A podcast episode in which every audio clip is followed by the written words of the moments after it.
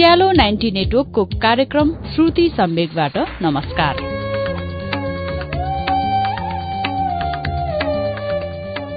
उज्यालो ninety नेटवर्कमा हरेक मंगलबार र शुक्रबार राति सवा नौ बजे कार्यक्रम श्रुति सम्वेक प्रसारण हुन्छ।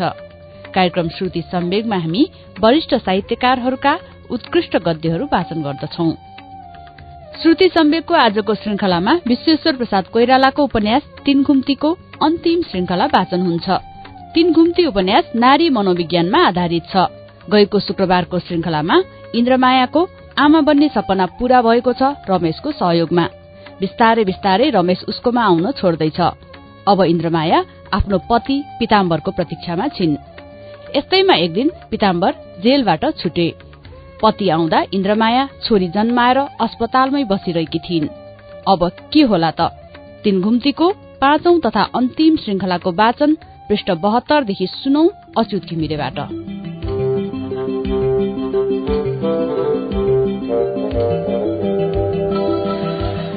इन्द्रमायाले फेरि एकपटक शिशुलाई हेरी। ऊ निधाएकी थिए टालोले हलुकोसँग उसको निधार पुछिदिए इन्द्रमायाले।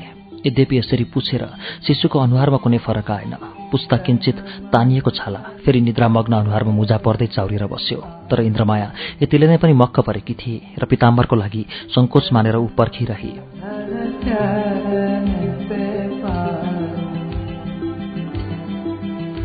पिताम्बर ढोका नजिक आएर उभियो। अनुहारमा कुनै किसिमको भावना नलिएर डाक्टर र नर्स पनि ऊ सँगसँगै थिए। पिताम्बर अगाडि आएन। ढोकासँगै टाँसिएर उभिरह्यो। प्रेममय सङ्कोचले नुहेको शिर इन्द्रमायाले बिस्तारै उठाई। पिताम्बरका भावशून्य आँखामा इन्द्रमायाका आनन्दमय आँखा सरक्क मिसिए। के यतिका दिनसम्म सञ्चय गरेको आनन्दको ज्योति त्यति अकस्मात एक विपलका निम्ति मात्र झिलिक्क चम्केर विलुप्त हुन सक्छ र केवल ग्लानीको एउटा असह्य अनुभव मात्र छाडेर पिताम्बरको भावहीन रित्तो अनुहारमा जतिसुकै खोजे पनि जब त्यहाँ सुखको पुनर्मिलनको उत्सुक आनन्दको कुनै एउटा हलुका रेखासम्म पाइँदैन भन्ने इन्द्रमायालाई लाग्यो अनि उसको हृदयलाई मानौ एक प्रकारको अटेस मटेस गर्ने रिक्तताले किचे किचे जस्तो लागेको हुँदा हठात उसका सबै आनन्द विलिन हुन गए। पिताम्बरको रूखको अनुहार त जेलमा पाएको कष्टले पनि हुन सक्छ तर उसको हेराइमा प्रकाशको एउटा मसिनो किरणसम्म पनि देखा नपरेका उसका आँखाको त्यो वितृष्णा निश्चय नै देलले दिएको शून्यता होइन।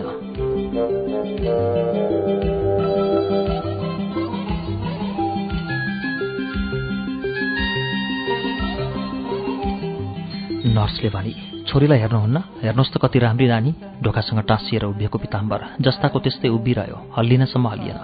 इन्द्रमायाका निराश आँखा निहुरिए र यस लोकको दृश्य र यहाँका झमेलाले भरिएका अन्य विषयपट्टि एक जात चाख नलिएर मग्नसँग सुतिरहेकी छोरीका उप अड्न गए र त्यहीँ अडिरहे। पिताम्बर बाहिर गएपछि उसले शून्य ढोकालाई आँखा उठाएर हेरी बाहिर बरण्डामा नर्स भनिरहेकी थिए बाबुलाई पहिलो दिन लाज लाग्छ र आमालाई पनि।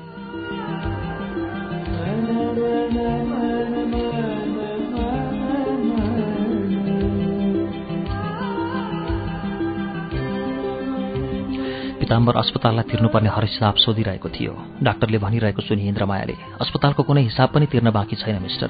पहिले नै कसैले बुझाइसकेको छ। तपाईँ आफ्नै पत्नीलाई पर्सीसम्म लैजान सक्नुहुन्छ। ग्लानी र लज्जाले जडवत भएर कोठामा बसिरहेकी थिए इन्द्रमाया। यदि माताको गौरव लिएर धेरै दिनपछि फर्केर आएको पतिका लागि अत्यन्त उत्सुकताका साथ ऊ नपर्खेकी भए यदि ऊ सन्तान र पतिका बीच हुने परिचय घडीको लागि नाना किसिमका सङ्कुचिला रमाइला कुरा मनमा गुन्दै खेलाउँदै पर्खेर नबसिरहेकी भए र यदि उसको मनमा सुमधुर लज्जालु सङ्कोच नभएको भए सायद उसलाई त्यति विघ्न ग्लानी र ताप हुने थिएन। रङ्गीन आशाका पखेटा हालेर ऊ जति माथि पुगेकी थिए पिताम्बरको एकछिनको व्यवहारले उति नै तल झर्न पुगियो। ولا أنا तिरस्कारको त्यो हृदयभेदी अनुभव माता हुनेलाई सोध जसको पति मातृ रचनाको आयोजन र निष्पत्तिका प्रति एकदमै परचक्री भएर टाढाबाट एकपल्ट आग्रहहीन रिक्त दृष्टिपात गर्छ मानव उसलाई केही वास्ता छैन। अथवा त्यो नववधुलाई सोध जो ढुकढुक गरिरहेको मुटु लिएर विवाहको प्रथम रात्रिको मङ्गलसैयामा सङ्कोच र उत्सुकताका साथ अनुपस्थित पतिको प्रतीक्षामा रातभरि जागेर काट्छे र अर्को दिन निराशको प्रभातमा सैयाबाट तल झर्छे। यस्तो भीषण क्षोभ र ग्लानीमा पनि कस्तो आश्चर्य कि छोरीका प्रति इन्द्रमायाको ममता घट्नु साटो प्रतिपल झन्झन बढ्दै गयो तर उसले दिनभरि ग्लानी र कुण्ठाको तितो आँसु घुटु घुटु निलिरहे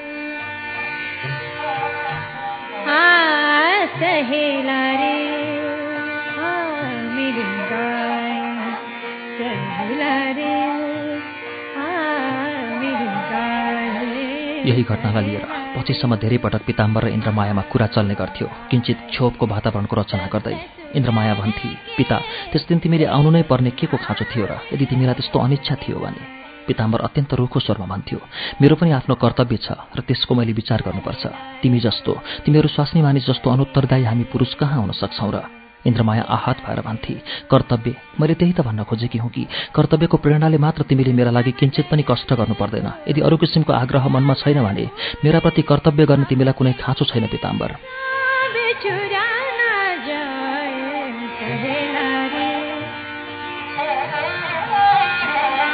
इन्द्रमायाले असाध्य संयमका साथ यो कुरा भनेकी थिए। हृदयको उम्लिदो बाफलाई उसले बलपूर्वक घाँटीभन्दा मुनि नै थिचेर राखेकी थिए त्यसबेला। पिताम्बरले उस्तै शुष्कताले भरिएको बाणीमा भन्यो कर्तव्य म आफ्नो लागि गर्छु तिमीलाई रिझाउला भनेर होइन। आफ्नै सन्तोषको लागि। अस्पतालमा तिम्रो खर्च वर्षको व्यवस्था मिलाउने मेरो धर्म थियो।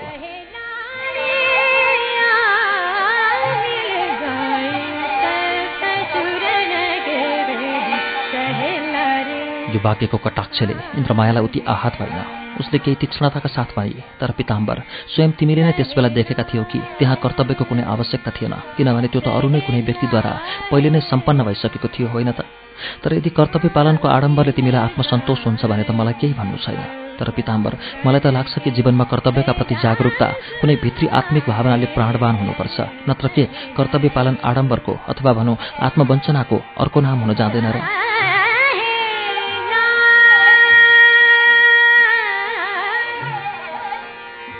इन्द्रमायालाई आफूले दिएको यो उत्तर केही तिखो भए जस्तो लागेको थियो। चिन्ताको उस साह्रै उदास रहन्थे उसलाई लाग्थ्यो कि छोरी नभएकी भए जीवनमा अब उसको कुनै भविष्य बाँकी रहन जाने थिएन जतातिर ऊ उत्सुकतासँग उन्मुख हुन सकोस्। त्यसकारण विरक्तिले गर्दा र अर्को छोरीको मर्यादाको लागि ऊ कहिलेकाहीँ असम्यत भएर तिखो उत्तर दिन्थे।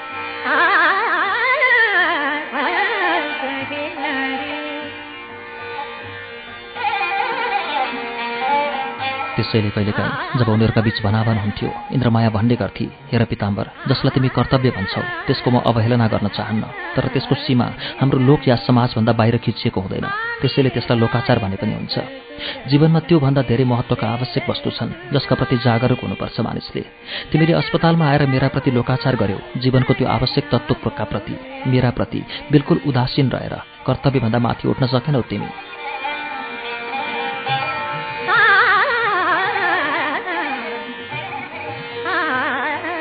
पिताम्बरले मुखलाई केही वक्र पारेर भनेको थियो तिमीले नि म जेलमा छँदा तिमीले मेरा प्रति कुन वफादारी गरेकी थियौ नि?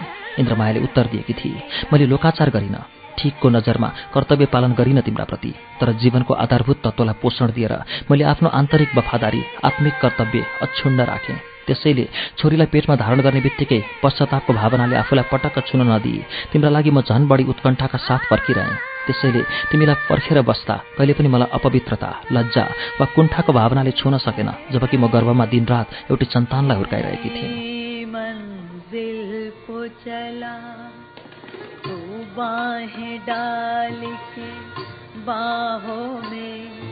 दिल तोड़ने वाले, देख के चल। हम भी तो पड़े हैं राहों में।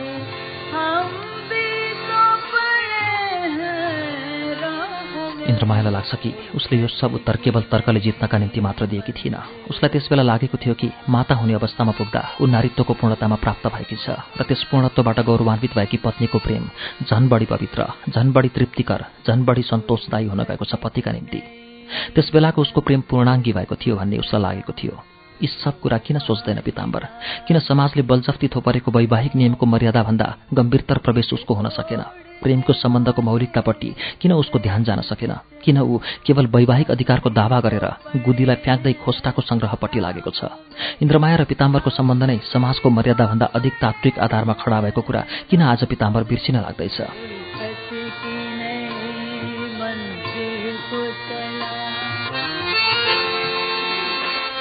पिताम्बरले एक दिन सोधेको थियो अत्यन्त वितृष्णाका साथ। के तिमीलाई यसको कुनै सङ्कोच हुँदैन कि एउटा पोलाहाका साथ तिमी पहिला गएकी थियौ भनेर? भ्रष्ट हुनको लागि पनि एउटा अर्को भ्रष्टलाई किन खोज्दै पुग्यौ? सके पिताम्बरले सम्झेको हुँदो हो यस्ता वाक्यले विशालु बाढको काम गर्ला इन्द्रमायाको मुटुमा। छिनछिनमा इन्द्रमायालाई घोचेर वेदना पीडित पार्दै बदला लिने पिताम्बरको उद्देश्य हुँदो हो तर इन्द्रमायामा त्यसको कुनै असर पर्दैन थियो। आफ्नो आचरणका प्रति मानव ऊ परम निश्चिन्त थिए।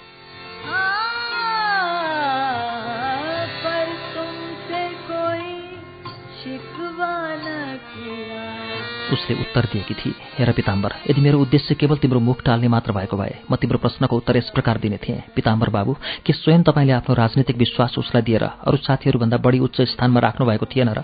यदि तपाईँ राजनीतिक गल्ती गर्न सक्नुहुन्छ भने मैले पनि रोजाइमा गल्ती गरेँ भने म भन्न सक्छु। त्यसकारण मेरो गल्तीको लागि कमसेकम तपाईँले उल्लाहना दिनु अलिक शोभा दिँदैन तर पिता म यस्तो उत्तर दिन्न किनभने यसमा केवल तर्क मात्र छ सत्य छैन।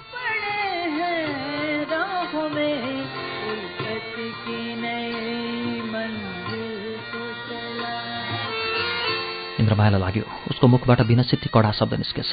त्यसकारण उति नै खेर उसले बडो नरम स्वरमा भने पिता मानिले कथम कदाचित रमेश पोलाहा नभएको भए के स्थितिमा सुधार हुने थियो र? यो छोरीको बाबु पोलाहा नभए पनि मेरो लागि कुनै फरक पर्ने थिएन। म उसँग जाँदा कस्तो पुरुषसँग गइरहेकी छु भन्ने तर्क वितर्क गरेर गएकी थिइनँ। तिमी नै पनि चाहे साधु प्रमाणित हौ अथवा डाकु मेरो लागि तिमी उही पिताम्बर नै रहनेछौ। जसको लागि म आफूलाई सम्पूर्ण रूपले समर्पित भएकी पाउँछु। मेरा निम्ति रमेश केवल त्यस्तो व्यक्ति मात्र रहन गएको छ जसले मलाई केही दिन रमाइलो पारिदियो र त्यही रमाइलोको सहवासमा मैले छोरी आर्जन गरेँ। यदि अहिले मेरो प्रेमले तिमीलाई पुगेको छैन वा यदि मेरो प्रेमले अहिले तिमीलाई सन्तोष छैन भने कि रमेश साधु भएको भए त्यो पुग्ने थियो त? तिमी किन आफूलाई धोका दिन खोज्छौ पिता?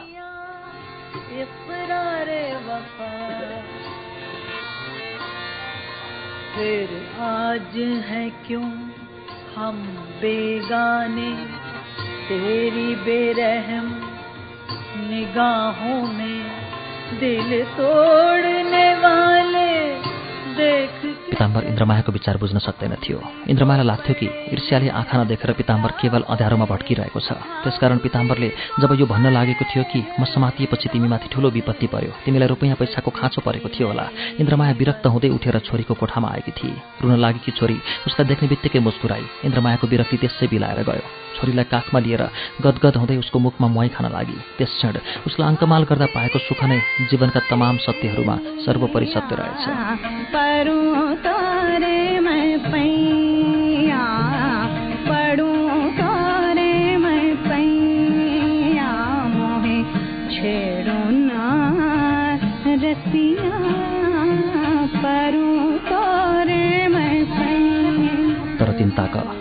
बिचबिचमा उसको मगजमा किसिम किसिमका प्रश्न उठ्थे। किन यी सब कुरा भए? उसको प्रेम किन सर्वजयी हुन सकेन? किन उसको प्रेमले पिताम्बरको हृदयको अन्धकारलाई हटाउन सकेन? आफ्नो अन्तः प्रकाशद्वारा किन त्यसले आफ्नो गहिराईसम्म पिताम्बरलाई तानेर ल्याउन सकेन? इन्द्रमायाको त्यत्रो समर्पण उपरान्त पनि ऊ के पाउँछ भने पिताम्बर छिपछिपे पानी मानेछ? समाजको आधारभूत स्थूलका उप नै गोडा स्थापित छ उसको। जीवनको सीमाहीन सागरमा पस्ने उसको साहस छैन।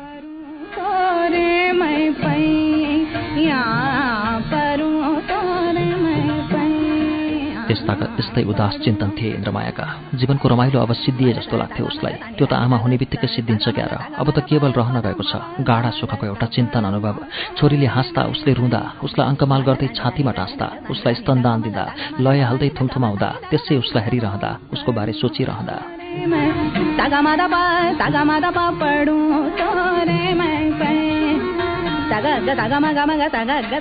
छोरीले उज्यालो पारेको उसको जीवनको एउटा पक्ष परम सुखकर थियो भने अर्को पक्ष चाहिँ कस्तो उदास पिताम्बरका साथ त ऊ बसेको नै थिए तर कस्तो आग्रह शून्य व्यवहार हुन्थ्यो पिताम्बरको इन्द्रमायाका प्रति मानौ दुवै पक्षका तर्फबाट उसले नै सम्बन्धको जिम्मेदारी बेहोर्नु परेको थियो उसले स्वयं आफ्नो हृदयलाई छामेर हेरी तलसम्म डुबेर हेरी कि कहीँ उसको हृदयमा नै प्रेमको हरियाली सुक्दै गएको त होइन कि स्वयं इन्द्रमाया नै भित्रबाट सोध्दै गएकी त होइन पिताम्बरका प्रति तर जतिसुकै गरिएर सोच्दा पनि झन्झन बढी विश्वासका साथ केवल एउटै निष्कर्षमा पुग्थे प्रेमको कुनै सीमा नै हुँदैन रहेछ। प्रेमको सम्पूर्णतामा प्राप्त भएर पिताम्बरलाई प्रेम गर्छु भनी उसले जुन पहिले पहिले सोच्ने गरेकी थिए त्यो त सम्पूर्णता नै होइन रहेछ किनभने अचेल ऊ त्यसमा अरू बढी प्रेम थपेर माया गर्न लागेकी छ। सन्तान प्राप्तिको मातृ अनुभवले मानव उसको हृदयभित्र प्रेम धारण गर्ने क्षमताको सीमाहीन विस्तार हुन गएको छ र त्यसकारण पिताम्बरका तर्फबाट जस्तो सुकै शुष्क व्यवहार भए पनि इन्द्रमाया चाहिँ एकनिष्ठ भएर पति र पुत्रीको सेवामा संलग्न भएकी थिए।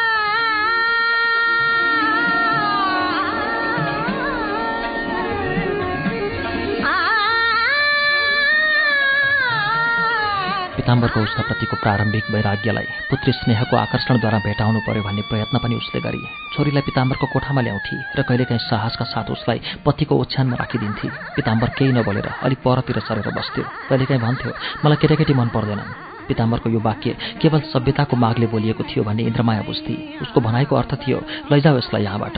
पिताम्बरको कोठामा पुग्दा रमा प्राय रुन लाग्थे। हो रमा भनी बोला बोलाउँदा बोलाउँदै छोरीको नाम त्यही रहन गएको थियो। रमाले रोएको पिताम्बर खपिन सक्नु भएर कान थन्दै झर्केर भन्थ्यो अब घरमा एकछिन पनि शान्ति पाइन भएन।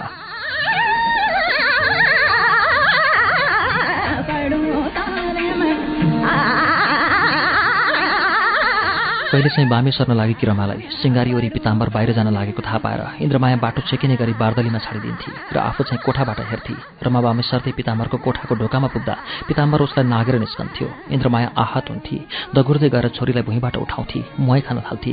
पिताम्बरको पिठ्यौँ बिस्तारै बिस्तारै सिँढीबाट झरिरहेको हुन्थ्यो। कहिले कहिले पिताम्बरलाई देख्ने बित्तिकै रमा रुन लाग्थे। एक दिन पिताम्बरले रमालाई लत्याएर गएको देखेर रोइरहेकी छोरीलाई बोक्दै इन्द्रमायाले पिताम्बरलाई भनेकी थिए पिताम्बर बिचरी यसलाई किन दण्ड दिन्छौ? दोष मेरो हो भने म पो दण्ड भागी छु जवाफ नदिएर पिताम्बर खट खट गर्दै काठको भर्याङबाट ओर्लियो।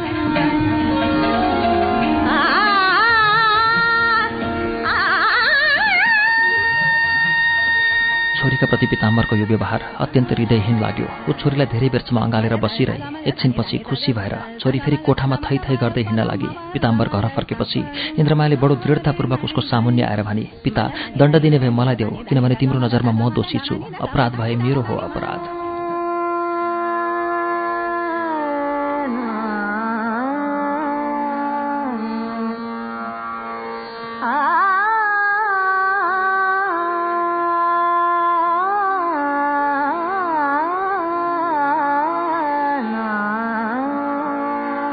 एउटा नयाँ कुराको अनुभव हुन लागेको थियो तिनताका इन्द्रमायालाई। प्रेमको समर्पणमा मर्यादाको अवसान भने कदापि हुँदैन रहेछ। बरु त्यसको झन् विस्तारित उदय हुँदो रहेछ प्रेममा। मर्यादा छाडेर प्रेम गर्न सकिन्न। झन् उसलाई यता पुत्रीको मर्यादाको पनि बार बार ख्याल हुन लाग्यो। लाग्थ्यो मातृको सम्पूर्ण शक्ति लगाएर पनि यो मर्यादालाई उसले अक्षुण्ण राख्नुपर्छ। त्यसैले अचेल पुत्रीका प्रति किञ्चित मात्र पनि अनादरको शङ्का हुन लागेको थाहै भने ऊ चुप लागेर बस्दिनथे र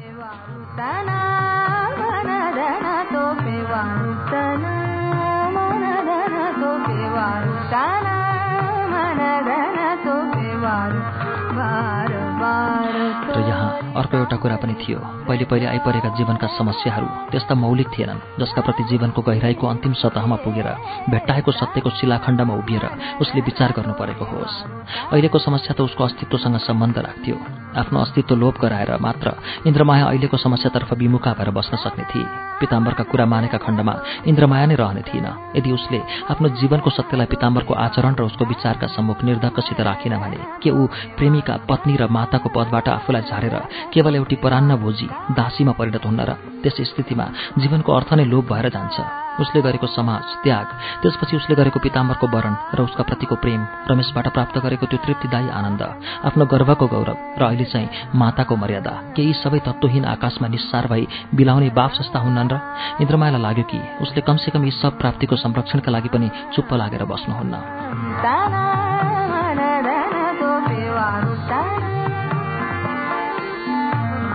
यिनै सब कारणले उसले दृढतापूर्वक पिताम्बरलाई भनेकी हो कि तिम्रो दृष्टिमा अपराधी म ठहरिएकीले दण्ड दिने भए मलाई देऊ यो सानी छोरीलाई होइन। सुनेको नसुने गरेर पिताम्बर कोठाभित्र बस्यो। इन्द्रमाया पनि पछ्याउँदै कोठाभित्रै पुगी। पिताम्बर ओछ्यानमा बसेर सुरुवाल खोल्न लाग्यो।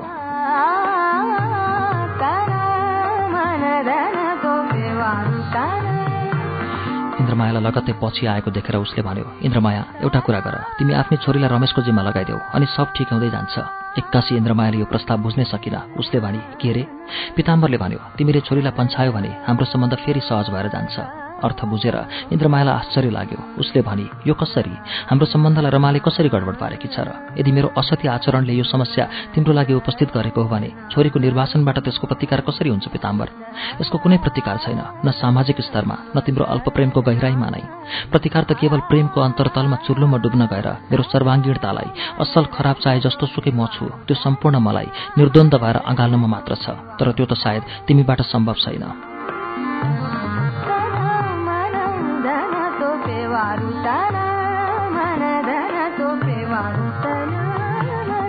इन्द्रमायाले भने त्यसको कारण त एकदमै स्पष्ट छ किनभने रमेश मेरो पति होइन जसलाई मैले एक दिन आफ्नो महान निर्णय गरेर आत्माको एकान्तमा वर्णन गरेर पति तुलाएकी थिएँ। म यो सत्यलाई केही गरेर पनि मेटाउन सक्दिनँ पिताम्बर।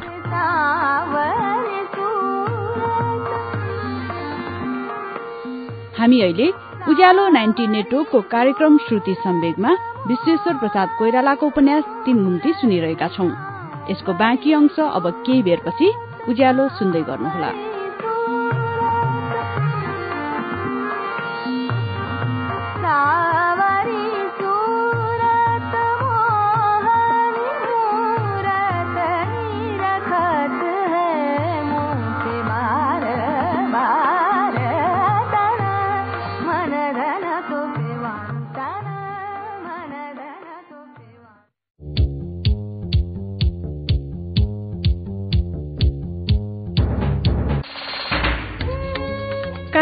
श्रुति सम्वेक तपाई अहिले उज्यालो नाइन्टी नेटवर्क काठमाडौँ सँगसँगै इलाम एफएम झापाको एफएम मेची ट्युन्स महोत्तरीको रेडियो दर्पण वीरगंजको नारायणी एफएम हेटौँडा एफएम चितवनको रेडियो त्रिवेणी र रेडियो चितवन तनहुको मादिसेती एफएम र पोखराको रेडियो तरंगबाट सुनिरहनु भएको छ। यस्तै दाङको रेडियो मध्यपश्चिम रेडियो प्युठान सल्यानको रेडियो राप्ती फलेवासको रेडियो पर्वत सुर्खेतको रेडियो भेरी र जुम्लाको रेडियो कर्णालीबाट पनि कार्यक्रम श्रुति सम्वेक प्रसारण भइरहेको छ। अब विश्वेश्वर प्रसाद कोइरालाको उपन्यास तीन घुम्तीको बाँकी अंश।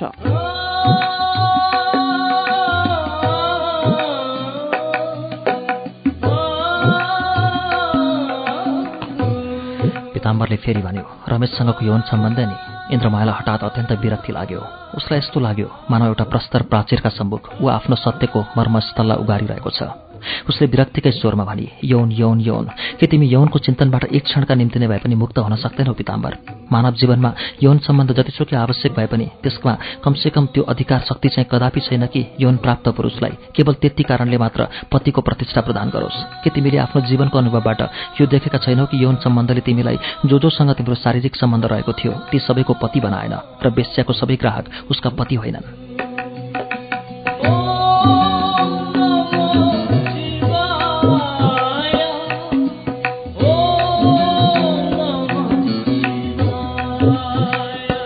पिताम्बरलाई एउटा तर्कबिन्दु भेट्टाएँ भन्ने लागेछ क्यार उसले भन्यो कि त्यसो भए तिमी स्वीकार गर्छौ कि? तिम्रो र रमेशको शारीरिक सम्बन्ध रस शून्य थियो भन्ने? इन्द्रमायाले भने रस शून्य थिएन किनभने प्रेम शून्य थिएन त्यो सम्बन्ध। यदि प्रेम शून्य भएको भए मेरो सहवास बेस्याचरण हुन्थ्यो। कमसेकम तिम्री पत्नी बेस्या त हुन सक्दिनथी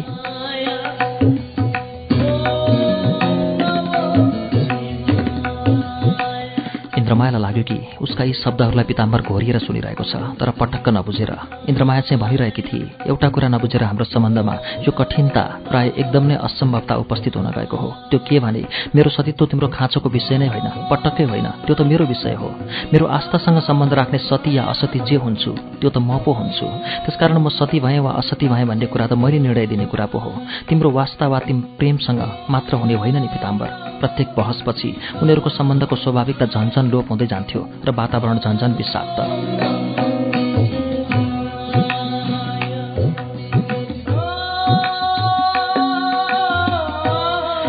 पछि पछि त कुराकानी बहस तर्क वितर्क पनि हुन छाड्यो। बहस र आपसी तर्क वितर्कमा जतिसुकै घोषाघोष भए पनि ती जतिसुकै तीक्ष्ण भए पनि तिनले उनीहरूका बीच लोप हुँदै आएको सम्बन्धको सेतुलाई कुनै न कुनै अंशमा अडाएर राख्ने कामसम्म चाहिँ गरेकै थियो। तर पछि पछि कुराकानी समेत हुन छाडेकाले उनीहरूका बीच आदान प्रदानको कुनै माध्यम नै रहेन।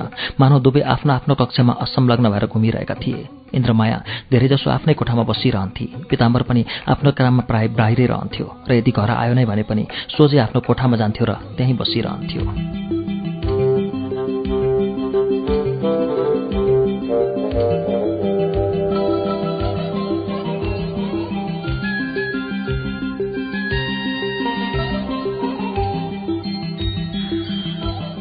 ठुली हुँदै गएकी थिए तर ऊ आफ्नै आमालाई छाडेर एकछिन पनि बस्न मान्दिनथे पिताम्बरको सामान्य पर्नासाथ उक्का हालिएर रुन लाग्थे उसको स्वास्थ्य पनि राम्रो थिएन।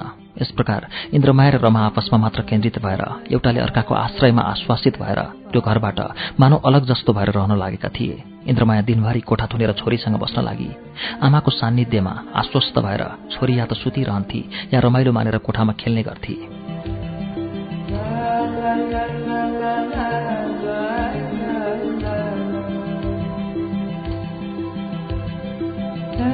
तिनताका एक्लै बसेर सोच्दा सोच्दा इन्द्रमायालाई यस्तो लाग्न थाल्यो कि सायद उसले अब फेरि एउटा यस्तो निर्णयमा पुग्नुपर्ने भएको छ।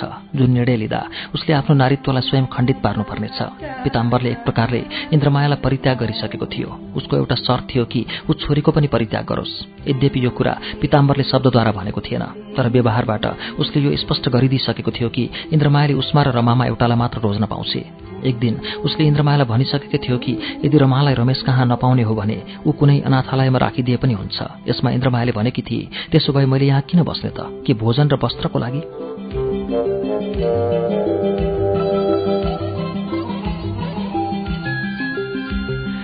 एउटा अर्को कुरा पनि इन्द्रमायालाई लाग्न थालेको थियो। त्यो के भने पिताम्बर र ऊ भिन्दा भिन्दै लोकका प्राणी हुँदै गएका छन् जसका बीचमा न विचारको न भावनाको न भाषाको नै आदान प्रदान सम्भव हुन सक्थ्यो। इन्द्रमायातर्फ प्रेमको असीम पारावार उर्लिरहेकै भए पनि के भयो त? जब पिताम्बरतर्फ त्यसले स्पर्शसम्म पनि गर्न सकेको थिएन। ऊ आफ्नो जीवनका तात्विक सत्यलाई पिताम्बरका सम्मुख पोख्थी पिताम्बर लौकिक मर्यादामा उल्झेका वाक्यहरू दोहोऱ्याउँथ्यो या आफ्नो अहंकार र स्पर्धाका कुरा मात्र गर्थ्यो। एउटै घरमा रहे तापनि पिताम्बर इन्द्रमाया सँगसँगै कहाँ थिए र? इन्द्रमायालाई लाग्यो कि दुई व्यक्ति आपसमा सबभन्दा टाढा तब हुँदा रहेछन् जब एउटा चाहिँ जीवनको मौलिक स्तरको अनुभव गरेको स्थितिमा पुग्छ र अर्को चाहिँ त्यहाँसम्म पुग्न नसकेर आफ्नो अहंकारकै सीमामा अडेर बसेको बसेकै रहन्छ।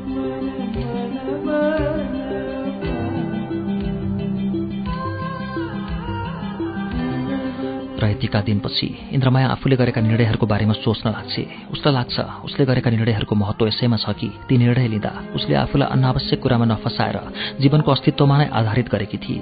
जीवनको प्राप्ति दुई किसिमका मात्र हुँदो रहेछन् या त एकदम प्रचुर या त एकदम शून्य र अन्तमा दुवै किसिमको प्राप्ति फेला पर्दा रहेछन्।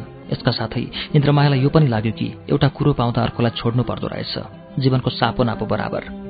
पिताम्बरको प्रेम सुख पाउन खोज्दा समाजलाई त्याग्नु परेको थियो उसले। रमेशबाट रमाइलो पाउन खोज्दा आस्थाको सन्तोष त्याग्नु परेको थियो र माताको सन्तोष पाउन खोज्दा पतिको सुख त्याग्नु पर्यो। त्यस्तै जीवनलाई वर्ण गर्दा मृत्युलाई पनि स्वीकार गर्नुपर्छ।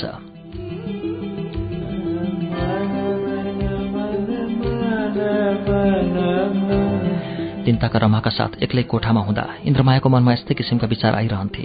रमाको दुर्बल शरीर बीचबीचमा थाकेर आमाको काख खोज्दै आउँथ्यो।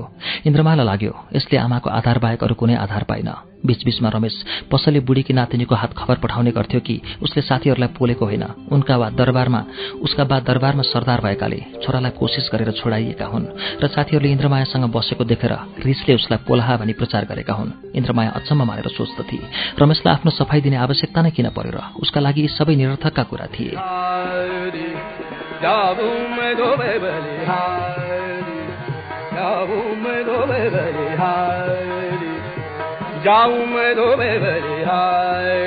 एउटा म्लान मुस्कान उसको विषाद गम्भीर मुख मुद्रामा खिचियो। उसले सोची अझै रमेशलाई उसका प्रति मेरो असल धारणाको खाँचो बाँकी नै रहेछ। तर उसले रमेशका बारेमा खराब धारणा नै कहिले राखेर कहिले उसका गुण दुर्गुणको विवेचना गरेर उसले राजनीतिको स्तरमा उभिएर उसले कहिले चिसो आँखाले निरीक्षण गरेर उसलाई उसले रमेशलाई प्रेम गरेकी थिए र उसबाट सन्तान पाइ पनि उसँगको सहवासका के यिनै दुई मौलिक तत्त्व मात्र होइनन् र यसका अतिरिक्त अरू सबै कुरा अप्रासङ्गिक थिए इन्द्रमायाका लागि। यही कुरा नबुझेर पिताम्बर इन्द्रमाया र रमेशको सम्बन्धको केवल सामाजिक आधार मात्र खोजेर कोट्याइरहन्थ्यो। त्यो यौन सम्बन्ध रसमय थियो कि थिएन। मानौ रसमय नभएको भए उसका निम्ति सन्तोषको कुरा हुने थियो।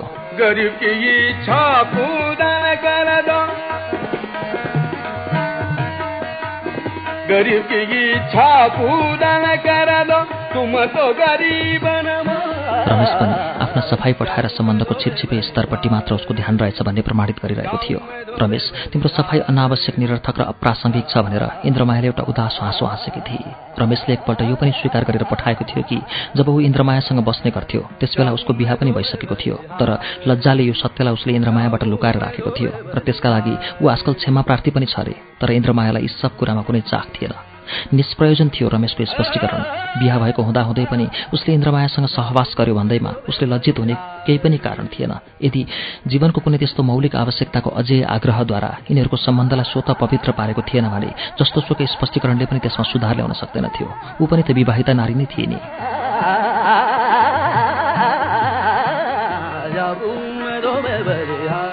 विवाहित हुँदाहुँदैको स्थितिको पूर्ण ज्ञानका साथ पुरुष स्त्रीको मौलिक सम्बन्धमा ऊ रमेशसँग घाँसिन पुगेकी थिए। पिताम्बर त्यही त भन्थ्यो नि यो सम्बन्ध अपवित्र छ।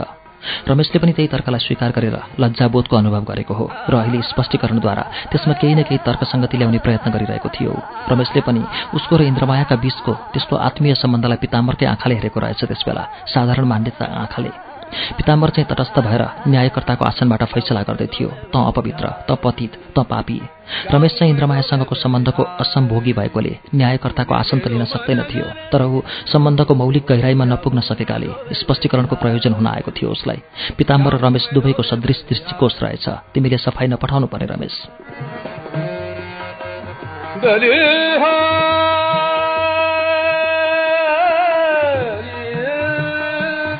फेरि उसले एकपल्ट खबर पठायो। छोरीको बन्दोबस्त गर्न तयार छ रे ऊ इन्द्रमायालाई यो प्रस्ताव पनि निरर्थक लाग्यो। यो प्रस्तावको लाभ उठाउने प्रयोजन नै थिएन उसलाई किनकि छोरीलाई त्यागेर पिताम्बरसँग बस्ने प्रस्तावको मर्यादाहीनतालाई लक्ष्य गरेर के उसले पहिले नै पिताम्बरलाई भनिसकेकी थिएन र कि छोरीलाई छाडेर तिमीसँग बस्नु पर्यो भने म परान्न भोगी दासीको रूपमा बसेकी हुन्छु।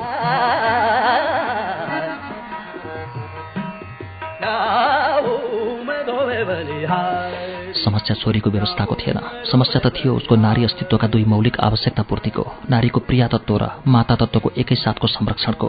इन्द्रमायाको अस्तित्व मौलिकको माग गर्यो। माग थियो पुत्रीलाई नत्यागेर पिताम्बरलाई पाइरहँ भन्ने र साथै पिताम्बरलाई नत्यागेर पुत्रीलाई पनि सदैव पाइ नै रहँ भन्ने।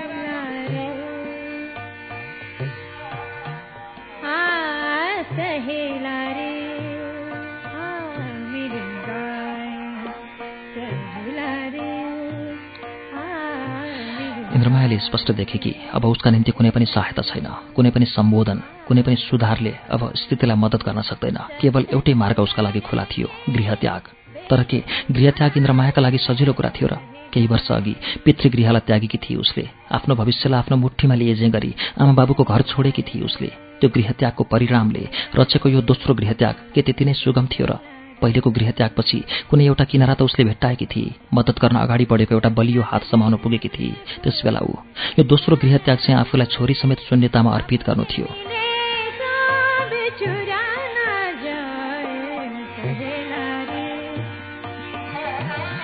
एक दिन यस्तै विचार मनमा खेलाउँदा खेलाउँदै उसले रमालाई सफा सुग्गर पारेर नयाँ फ्रक लगाइदिए रमाले फ्रकमाथि पेटका उप हात राखेर भनी आहा कति नाम्लो नाना। इन्द्रमायाले लुगाफाटोको एउटा सानो पोको पारी। आफ्नो भन्ने नै के थियो र उसँग? बस एकजोर लाउने लुगा।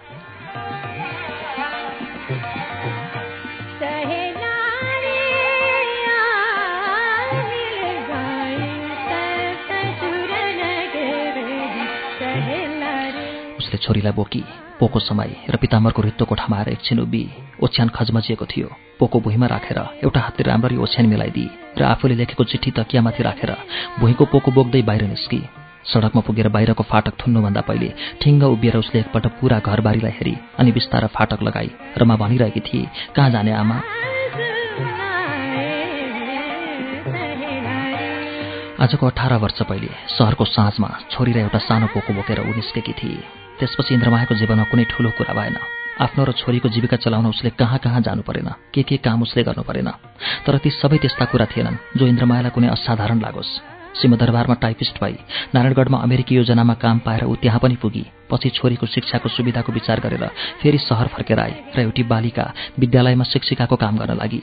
यी अठार वर्षपछि पनि उसका लागि बेफुर्सदका समय थिए। दिनरात मामुली तलबका लागि उसले घोटिरहनु पर्यो। तर के कुनै पनि दिन उसले पिताम्बरलाई बिर्सिन सकेकी थिए र के अहिले पनि पिताम्बरका प्रति उसको प्रेम घट्न सकेको थियो र।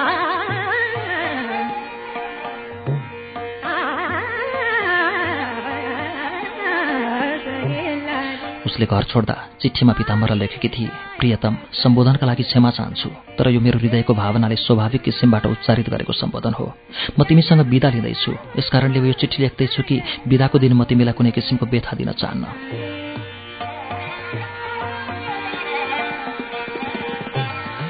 रमासँग तिम्रो परिचय हुन पाएन। त्यसकारण विदा हुने बेलामा ऊ रमाइलो मात्र मानिरहे। तर तिम्रो पत्नीले तिमीलाई छाड्नु पर्दा उसले मात्र बुझेकी छ कि जीवनलाई एकदम आधा पारेर आफूलाई आधा मात्र बाँकी राखेर ऊ गइरहेकी छ। म जहाँ पनि रहँला तिमीलाई माया गरिरहँला र त्यो मायाले सदा गौरवान्वित भइरहँला। हाम्रो फिक्री नगर्नु। म यति शिक्षित त छँदैछु कि दुई प्राणीको दैनिक व्यवस्था गर्न सक्नेछु।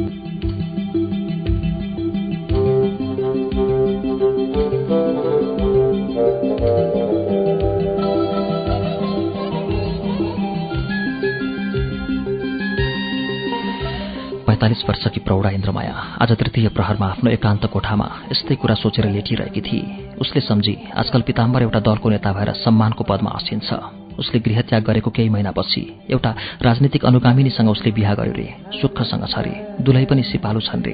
गृहकाजमा निपुण र दुलाहालाई रिजाएकी छ रे रमेश पनि सम्पन्न र सुखी छ रे। बाबुसँग झगडा गरेर आफ्नो अंश लिएर छुट्यो रे ऊ। आजकल संसदको सदस्य छ रे मनज्ञ छोराछोरी पनि छन् रे उसका।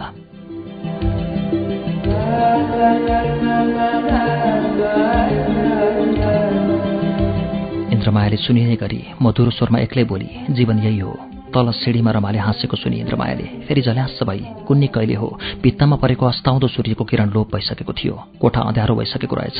साँझले झमक्क छोपिसकेको थियो। इन्द्रमाया ओछ्यानबाट उठी। आँखामा रसाएर थोपा बन्न थालेको आँसु पुछी उसले। हतारिएर झ्याल उगारी अनि बत्तीको स्विच थिची। कोठा उज्यालो भयो।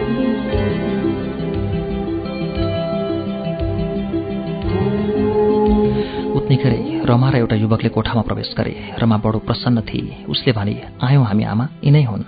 यति भनी सहज लज्जाले वाक्यलाई पुरा नगरेरै उसले आँखा तल झारी।